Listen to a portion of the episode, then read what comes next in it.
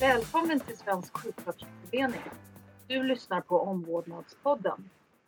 Vi som arbetar med omvårdnad har alla personcentrerad vård som riktmärke.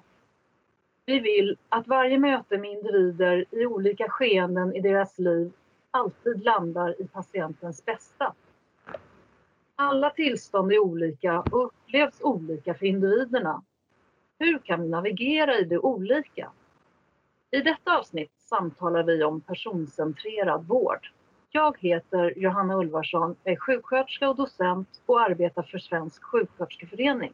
Jag har idag bjudit in Ingela Jobb som är sjuksköterska barnmorska i grund och botten men just nu är jag doktorand på Luleå tekniska universitet. Ja, Birgitta Lindberg, jag är sjuksköterska med specialistutbildning till barnsjuksköterska, docent i omvårdnad, verksam vid Luleå tekniska universitet och är också biträdande handledare till Ingela. Och eh, Åsa Engström heter jag, också sjuksköterska, eh, intensivvårdssjuksköterska och eh, jag är professor, ämnesföreträdare i omvårdnad, ingår i styrelsen för Svensk sjuksköterskeförening och jag är huvudhandledare för Ingela. Välkomna! Jag tänkte inleda med att höra om din forskning Ingela. Vad är det du forskar på och hur kom du in på det? Ja, jag blev doktorand inom ett EU-projekt som Luleå tekniska universitet då är delaktig i tillsammans med Region Norrbotten och Norrbottens kommuner. Och det handlar om att förbättra arbetssätten med den samordnade individuella planeringen, SIP. Och I den här äh, processen då så har det som utkristalliserats att jag har fokuserat på äldre, så de över 65. Och tanken var först att jag skulle titta på deras situation i den här SIPen då, även närstående situation. Men eftersom vi har haft lite svårt att rekrytera deltagare och så, så har det blivit att jag har tittat även på personalens perspektiv lite grann då. Mm. Och i det här projektet så fanns det då vissa bärande begrepp som var delaktighet, behov och personcentrering. Så i mina studier då har som personcentrering blivit en röd tråd. Ja, och vad innebär då personcentrerad? Vad, vad, hur ska man eh, beskriva det? För mig så är personcentrering ett etiskt förhållningssätt. Man kan säga att det är som en etik som vägleder i, praktiskt, i praktiska handlingar och Alltså när man är som medmänniska eller i sin yrkesprofession. Och jag tänker att det handlar om att man ska se personen och att man utgår från personen och dens behov och preferenser. Men även vilka förmågor och resurser som den här personen har. Och då att man i vård och omsorgssituationer att man involverar den här personen och att man tillsammans diskuterar och planerar och bestämmer då vilka, vilken vård och omsorg som ska ges och hur den ska ges. Men för mig så handlar det också om att det är viktigt att det finns, alltså att personcentreringen genomsyrar allt, så även ledningen och de andra stödstrukturerna som finns. För annars är det svårt att bedriva personcentrerad vård. Eh, Birgitta, jag vet att du har ju varit eh, länge i eh, området och arbetat mycket med just individens behov. Hur skulle du, skulle, jag tänker, hur skiljer det sig åt nu idag när vi pratar om personcentrerad vård jämfört med hur det var i, kanske i början av din karriär? Ja, men det tycker jag absolut att det är stor skillnad på hur sjuksköterskor jobbar idag. Det har ju hänt en hel del. Jag tycker det finns en mycket större medvetenhet om att utgå från patientens behov och att man också ser det som viktigt att informera och försöka göra, göra både patienter och närstående delaktiga. Men det är ju inte alltid lätt det heller och eh, vi vet ju att forskning visar också att patienter och närstående upplever inte alltid att de görs delaktiga i den mån som de själva skulle vilja. Så vi har ju en hel del kvar att arbeta med. Det har vi verkligen. för att kunna ställa om till personcentrerad, personcentrerad vård fullt ut. Vilka luckor ser du Birgitta där de är missnöjda menar du?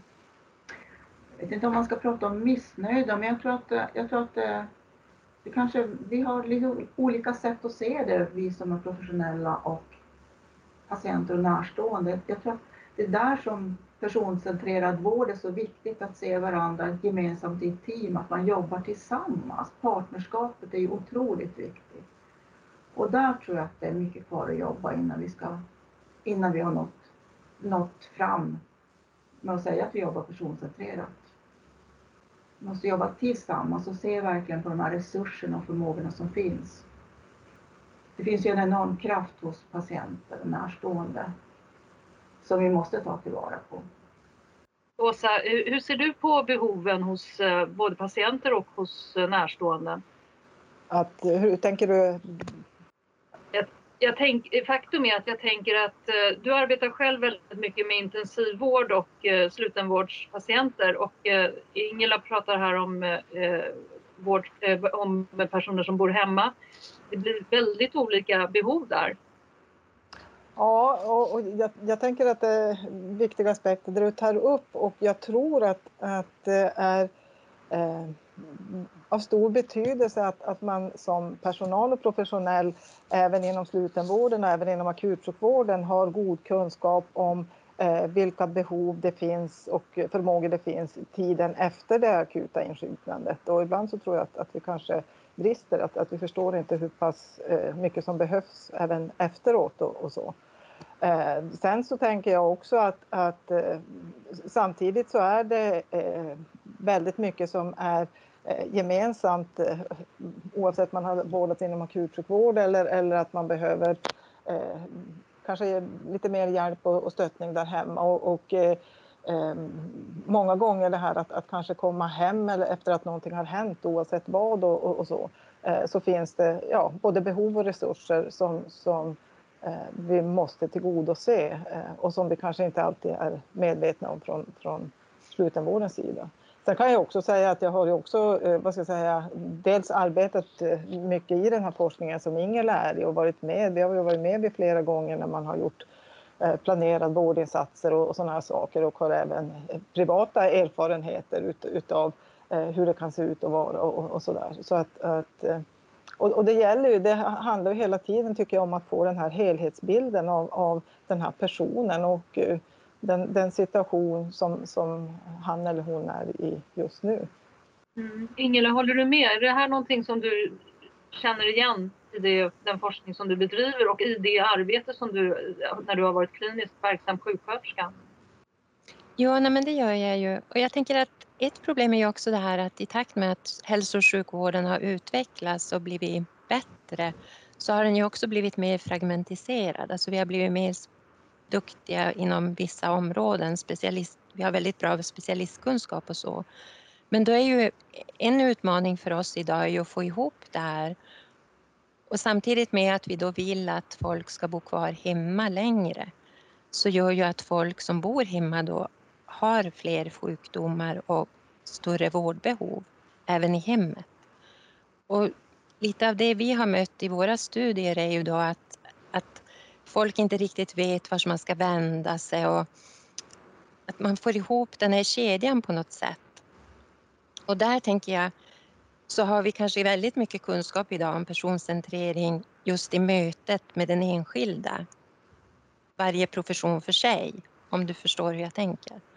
Men när man då ska arbeta tillsammans som ett team och där det kan infatta profession både från specialistsjukvården och så från hälsocentralen och kommunen så behöver vi mer kunskap om hur vi kan arbeta på bästa sätt då för den här enskilda personen.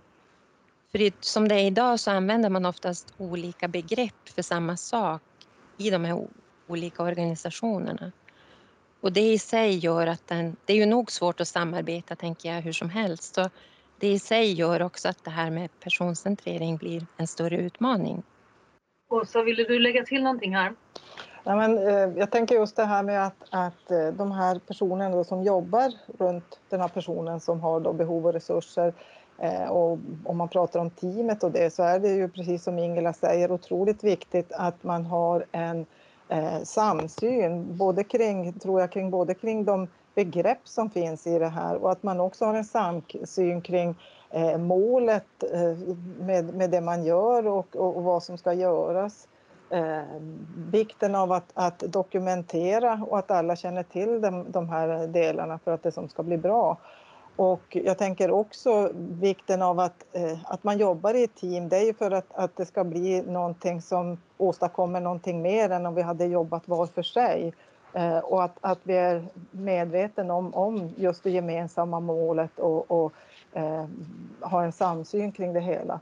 Sen tror jag också i de här delarna det är viktigt eh, ur personalens perspektiv att, att eh, kanske träffas före men också vikten av att träffas efteråt och att också eh, få, få respons och feedback på, på eh, det man gör och att man har. Och det här är ju ibland svårt att få till om man tänker inte minst inom hemsjukvården och sådana delar.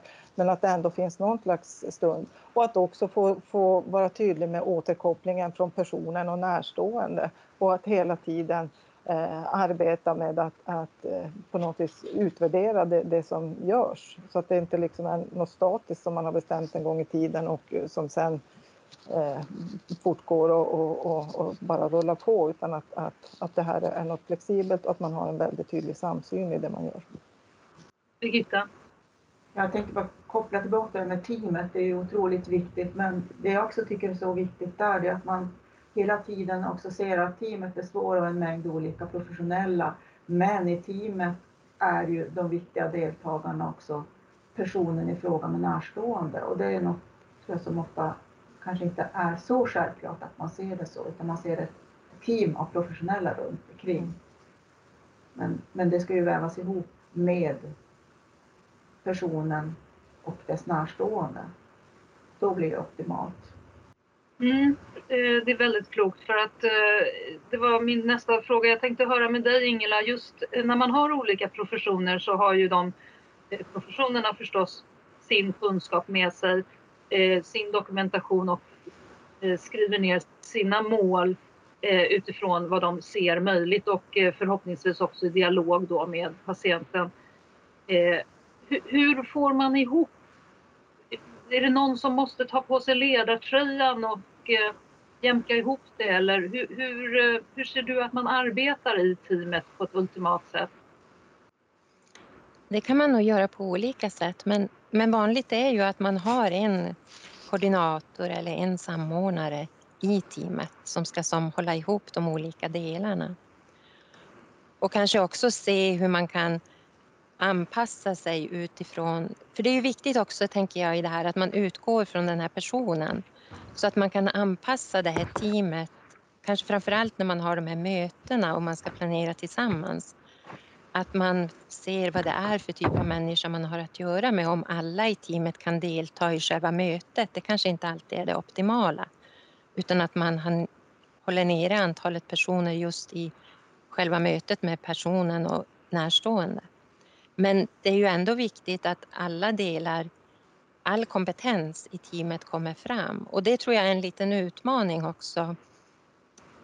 För att vi är kanske i hälso och sjukvården alltså väldigt måna om våran kunskap och våran ja, mm. profession. Och att det kan vara lite utmanande det här att ta ett steg tillbaka och ge bort lite av sin makt på det sättet. Men det är ju lite som, som vi har varit inne på att det, det viktiga här är ju att det, blir, att det blir någonting mer och någonting bättre när vi arbetar tillsammans för den här personen. Birgitta? Jag tänker att, och det handlar ju inte på något sätt om att, att vi inte ska ha våran expertkunskap som professionella. Det är ju otroligt viktigt, men ändå att, att eh, det styrs mer från de behov och resurser som finns hos de enskilda individerna. Mm, du har forskat väldigt mycket på patientupplevelser eh, vet jag och, och eh, har, har, du några exempel när man eh, när man verkligen har lyssnat på patienten och på anhörigas eh, behov och, och, och, kanske gått ett litet extra varv för att uppfylla det här? svårt att ge något riktigt konkret exempel på det, men jag tycker ändå att det, det finns ju många goda exempel på det och det, det, tycker jag också blir väldigt tydligt när man verkligen ser till för, för personer som eh, kan vara väldigt drabbade på många olika sätt och får en väldigt påverkad livssituation har ju ofta ändå en otrolig styrka och kraft i det de vill på något vis hitta mening, hitta mening i livet. En ny mening kanske det blir, men det är väldigt viktigt att få det. Och det är ju något som jag tycker också att, att som eh, vårdpersonal, sjuksköterska, så är det jätteviktigt att ta tillvara på den här kraften och resurserna som finns och verkligen lyssna på vad är viktigt. Vad är viktigt för dig? Vad behöver du för att också kunna hitta mening i livet? Och lyssnar man då och tar till sig det och även utifrån att man har det här partnerskapet så tror jag att det kan, och också sett många gånger, att det kan bli väldigt, väldigt bra. Man känner att man får en, har ett meningsfullt liv. Som barnsjuksköterska, kan du sätta det i relation också? Är det någon skillnad på hur du möter ett, eh, en eh, treåring utifrån patient, eller personcentrering menar jag, eh, jämfört med en 83-åring? Alltså, ja, överlag tycker jag, det är klart det är stor skillnad då hur man möter, men det som jag tycker är, som man har, som jag brukar säga också när jag möter studenter och så, att man har otroligt mycket att lära från just barnsjukvården, för där är det på ett helt annat sätt och har varit under lång tid att man utgår, man måste utgå från, man kan inte möta en treåring på samma sätt som jag möter en, en 15-åring eller hur jag möter ett, ett, en liten baby. Men, men att jag tycker att man har väldigt mycket att lära från det, för där utgår man väldigt, det är förutsättningar för att kunna, kunna nå fram till både barn och föräldrar, det är att man möter dem utifrån dem, där de är så att säga. Så det är verkligen mycket man kan ta efter från barnsjukvården tycker jag. Där har man ett mer individanpassat eller personcentrerat arbetssätt såklart. Man utgår från, man måste utgå från individerna. Du får inte ett litet barn att medverka om du inte når fram och att det blir ett möte. Så jag tror att man har mycket att lära från det sättet att jobba. Eh, Ingela, du träffar ju kvinnor då i en annan fas innan det här lilla barnet är fött och, och när kvinnan är gravid själv. Eh, ser du någon skillnad nu i, jämfört med den forskning du bedriver här på framförallt äldre eh, i hemmen eh, på hur man bemöter en, eh, en gravid kvinna eller en 70-åring? Nej, alltså personligen så gör ju inte jag det för att vi är ju alla människor. Och jag tänker att, att för mig så är det mycket det som är personcentreringen. Att jag vänder lite på perspektiven och att jag försöker se personen. Och sen är det ju inte så, tänker jag, att, att personen kan komma med vilka önskemål som helst. Det är ju inte det personcentrering handlar om. Utan det är ju någonstans att, att jag som... Det ställer ju egentligen större krav på mig som professionell. Att jag kan se vilka behov och önskemål den här personen har och sen då jämka det med, med min kunskap om personens situation och problem och dens förmågor och så få ihop det här då till den vård och omsorg som vi då kan erbjuda personen, tänker jag. Så att det är ju det som Birgitta har varit inne på när det gäller med barn också, att, att kan man som inte kan man inte möta den här personen och få den här personen med sig så, så blir det ju inte bra i slutändan. Och det är ju mycket vunnet just det här första mötet, tänker jag. Och där man i personcentreringen då pratar om hur viktigt det är med, med personens berättelse och att, de får, att man tar del av den. Och jag tänker där kanske vi måste organisera oss på ett lite annat sätt och att ledningen ger mer utrymme för det här första mötet med personen. Oavsett i vilken nivå då man träffar den här personen. Så att man verkligen kan etablera den här kontakten och det här partnerskapet. För det tror jag blir jättemycket värt och det vinner man så mycket på sen. Mm. Birgitta? Jag tänker på att det måste vara en organisation som stödjer det här och att man ser det att, eh, för oftast hör man ju att det finns inte tiden för det här. Men att det måste vara självklart att, att det är tid så att man har möjlighet att få, få berättelsen. Och eh, det är ju något som jag tror många gånger också skulle spara tid och det finns ju även forskning som visar att om man bara avsätter tid för det här så, så blir det ju så blir det så mycket bättre. Inte minst det här där man har tittat på hemgång, hur länge man vårdas, om vi nu får inom sjukhusvård då, att man förkortar vårdtiden väldigt mycket om man utgår från och har ett personcentrerat arbetssätt. Så att det, det, man, det som tar tid vinner man väldigt mycket på, på många, många nivåer så att säga.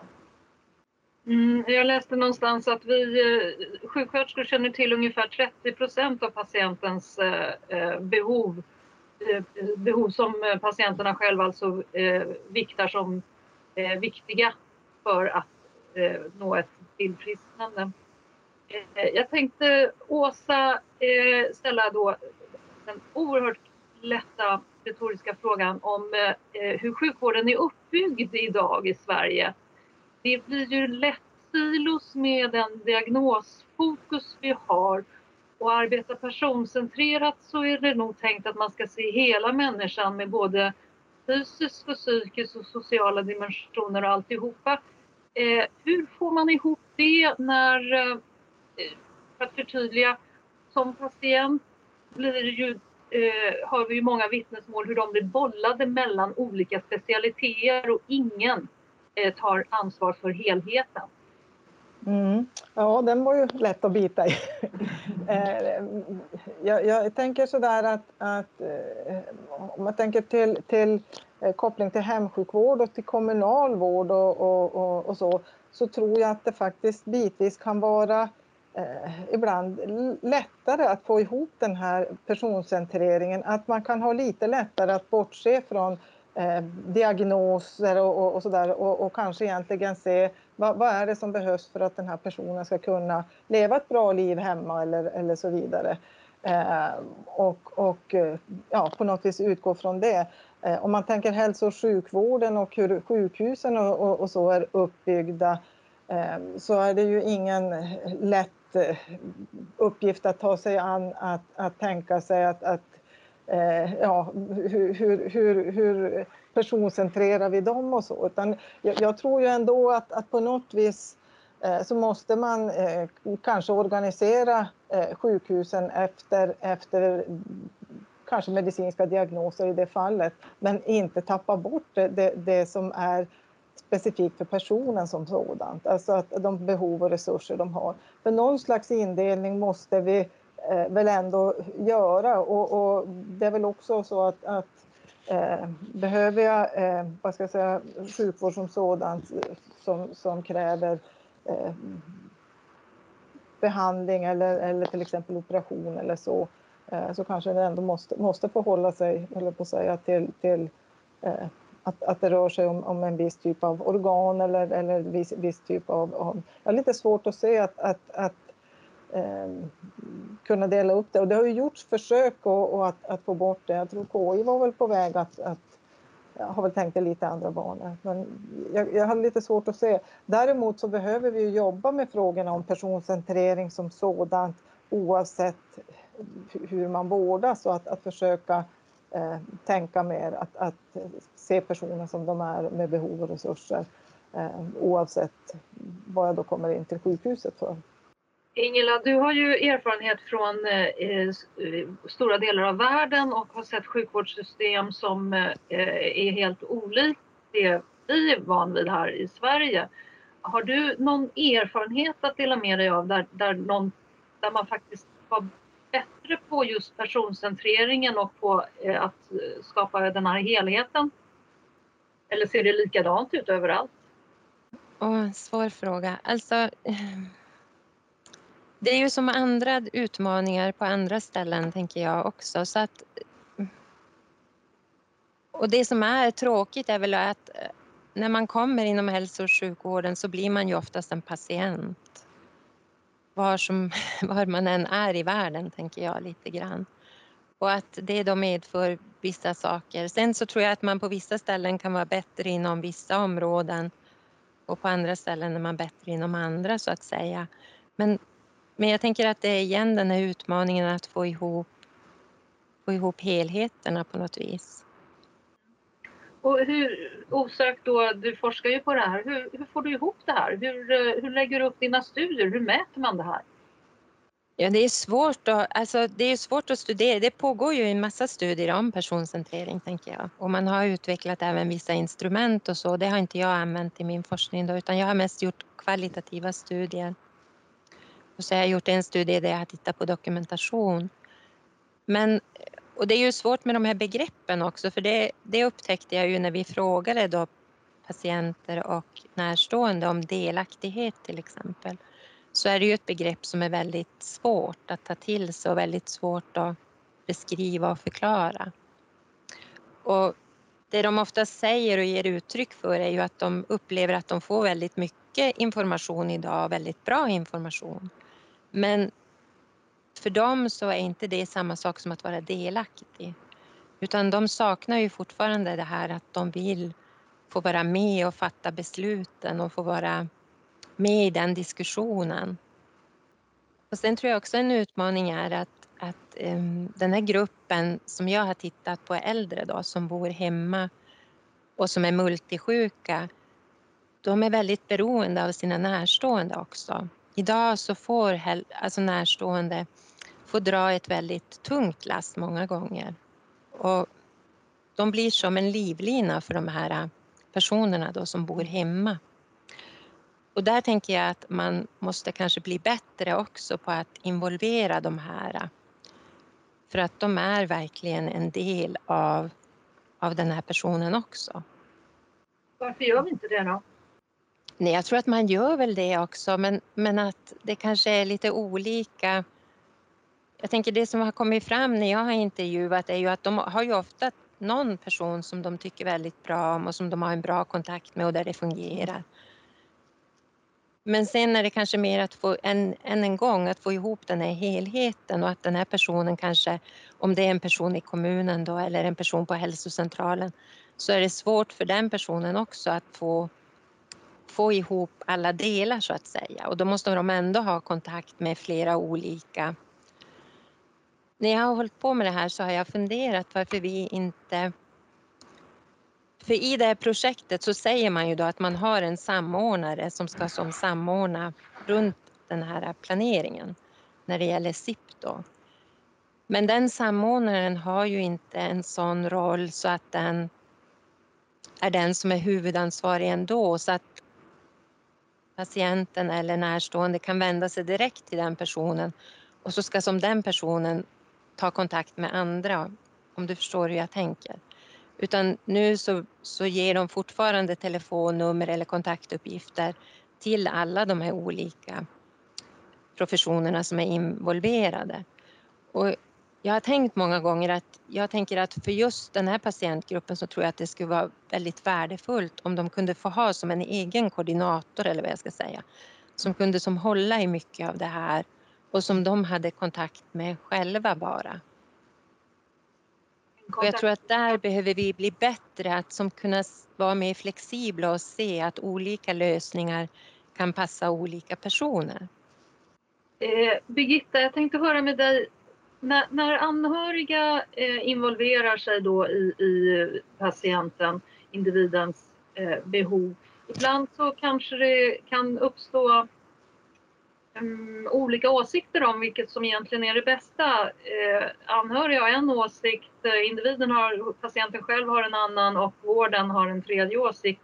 Finns det ett etiskt dilemma här? Hur, hur kan man hantera så att alla är nöjda? Ska alla vara nöjda? Ja, det är ju en svår fråga. Men främst är det ju faktiskt då personen i fråga som, som man ska utgå mest från. Och jag har tänkt en hel del på det där för att det här är något som kommer upp oftast när man pratar med vårdpersonal. Det är något som kommer upp ofta i diskussion med studenter när de har varit ute på VFU. Men däremot hör man sällan det från, från personerna eller närstående, just den här diskussionen om att man har olika åsikter. Och då tänker jag, man kanske tänker på ett helt annat sätt då som eh, alltså person i behov av vård eller stöd på något sätt. Att man tar sina närstående, att de ändå tänker på ens bästa. Jag vet inte, jag, jag känner att det här är jättesvårt att svara på. Men, men eh, såklart är det ju, främst är vi ju där för att se till den enskilde personens behov.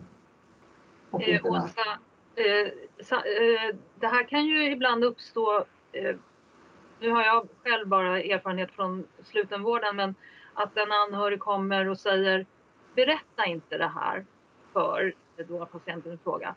Men eh, Åsa, har du varit med om den situationen? Och hur hanterar du det? Eh, jag har nog inte varit riktigt eh, med om den. Och det känns, eh, jag är nästan lite grann som inne på, på, på Birgittas linje, det här att, att ja, men lite att, att, att det är att, att det på något vis sägs kan vara så, men jag, jag tycker att, att det är något som kanske i så fall förekom för väldigt länge sedan, att, att nu Eh, är, tycker jag, både mm, vad ska jag säga, patienter och närstående ganska väl informerade eh, och, och att man också större eh, tar ställning för patienten eller personen då med ohälsa eller sjukdom och att, att ehm, att, att om, om man tror att, att den personen gagnas av att veta och det så, så, så, tror jag att, att man låter dem veta, att, att inte lägga den vetorätten på, på närstående. Men det är självklart det är svåra eh, situationer och jag tänker att, att oavsett även, även det Birgitta och det här tog upp och så, så egentligen handlar det också mycket om eh, kommunikation och att, att kommunicera vad ska jag säga, som vårdpersonal med både patient och närstående eh, och att, att eh, ja, informera och att förmedla eh, kunskap eh, och ta in kunskap och, och, och, och, så. Men mycket handlar om kommunikation i sådana situationer. Eh, Birgitta, jag tänkte, hur, hur, skulle du lägga upp den absolut ultimata personcentrerade vården? Ja, det var inte lätt att svara på. Alltså jag tycker att egentligen om man, om, om eh, det finns ju väldigt bra det, det som jag tycker är svårigheten, egentligen inte hur man skulle vilja lägga upp det. Det finns ju klart och tydligt, jag tänker det finns ju jättemycket bra hjälpmedel hur man kan etablera det. Men det som är svårt i det hela det är ju att få, få alltså värderingarna hos, hos alla att förändras. Det, det är någonstans där vi måste börja jobba också för att kunna implementera personcentrerad vård ofta så, det går inte att bestämma så här ska vi jobba, för hur vi ska jobba, det är ju klart och tydligt egentligen. Men sen att, att få det att bli så, då handlar det ju väldigt mycket om värderingar hos enskilda, vårdpersonal, för att kunna. Så någonstans där måste vi börja jobba. Jag tänker att ibland så eh, är vi ju i situationer där det är lite tvångsvård inne, kanske psykiatriskt. Eh, psykisk sjukdom eller eh, kognitiv svikt. Eh, hur, hur, kan man... Finns det små enkla tips? Finns det saker man ändå kan landa i som, som gör att det blir... Personcentrerat? Ja, absolut. Det är ju oavsett om det är personer som man möter med psykisk ohälsa eller om det är personer med kognitiv svikt så är det ju lika viktigt att få lyssna på deras berättelser. Kanske ibland behöver de ha stöd för någon. Jag tänker personer med demens eller så kanske behöver ha stöd med en närstående. Men, men de måste få möjlighet att ge uttryck för sin berättelse. Och den måste vi också lyssna på och ta del av. På samma sätt personer med psykisk ohälsa. Klart vi kan jobba utifrån ett personcentrerat förhållningssätt oavsett vilka, det är en person vi möter och vi möter den personen med deras behov och resurser. Ingela, vill du ha en kommentar på det här? Jag tänker att, att det utmanar ju en del saker att arbeta personcentrerat och därför så tänker jag att det är viktigt att det, man måste ha det på alla nivåer. Och jag tänker att det kräver ändå att vi måste förändra lite grann hur vi arbetar eftersom vi måste få till nya relationer, alltså mellan profession, professionella och patienter men också mellan ledning och professionella. Och, alltså det ska som vara på alla nivåer. Och det, det, kräver ändå ett större arbete, tänker jag, om vi ska få till en riktig personcentrerad hälso och sjukvård. Men hur det ska gå till har jag inte riktigt någon idé om. Är det någon av er som har någon berättelse där, eh, där det blev väldigt bra? Jag tror att Åsa vill ha en replik först. Ja, jag bara tänkte mm, också det här för att, för att få till det här så tror jag ju att A och O är eh, utbildning och kunskap eh, och, och, träning, eller på att säga. Jag, jag, tror att det handlar om att, att, att eh, inte se personcentreringen som något väldigt abstrakt och väldigt svårt utan, utan att, att få ner det till sin eh, vardag och hur kan vi arbeta med de här frågorna och hur, inte minst det här med dokumentationen som vi ser just när vi tittar på de här SIPparna och det. Jag tror att, jag tror att man skulle behöva eh, helt enkelt hands-on träning. Att, att mm. hur, hur, hur dokumenterar man det här på ett bra sätt och att eh, duktiga exempel, eh, de som har goda färdigheter på det här, eh, handledning till de som kommer nya, eh, handledningen till studenter och, och, så vidare. För att många gånger när det inte riktigt blir riktigt bra så tror jag att det kan vara eh, brist på kunskap och rädsla och, och, det tror jag är något som kan gå igenom i, må i många saker som inte blir riktigt bra. Eh, och att, att man verkligen har, som jag var inne på förut också, en viss samsyn på begreppen, en, en viss samsyn på, på eh, mål och så vidare och, och, och också känna sig eh, trygga i det man gör. Birgitta? Jag tänker också på det här just att, att eh, man frågar så får man ju alltid svaret att självklart jobbar vi personcentrerat. Det har vi väl alltid gjort, att vi har haft personens behov i fokus. Men det är ju en del av att jobba personcentrerat. Det är ju så mycket mer. Så att det du säger Åsa, det här med att öka kunskapen runt omkring vad det innebär är ju otroligt viktigt också. Och samsyn vad det gäller begrepp då. Att man vet vad menar vi när vi säger att vi har ett personcentrerat arbetssätt. Jag tycker det där var en väldigt bra sammanfattning. Jag tänker vi avslutar den här eh, inspelningen eh, i och med de kloka orden. Och jag vill tacka er alla tre jättemycket för att ni eh, kom hit och, eller ja, nu möts vi över nätet eh, och delgav era erfarenheter och eh, berättelser. Och, eh, ja, det är viktigt med personcentrerad vård och det är, nu är jag i alla fall lite klokare hur jag kan komma dit. Tack så mycket. Tack ska ni ha. Tack. Tack.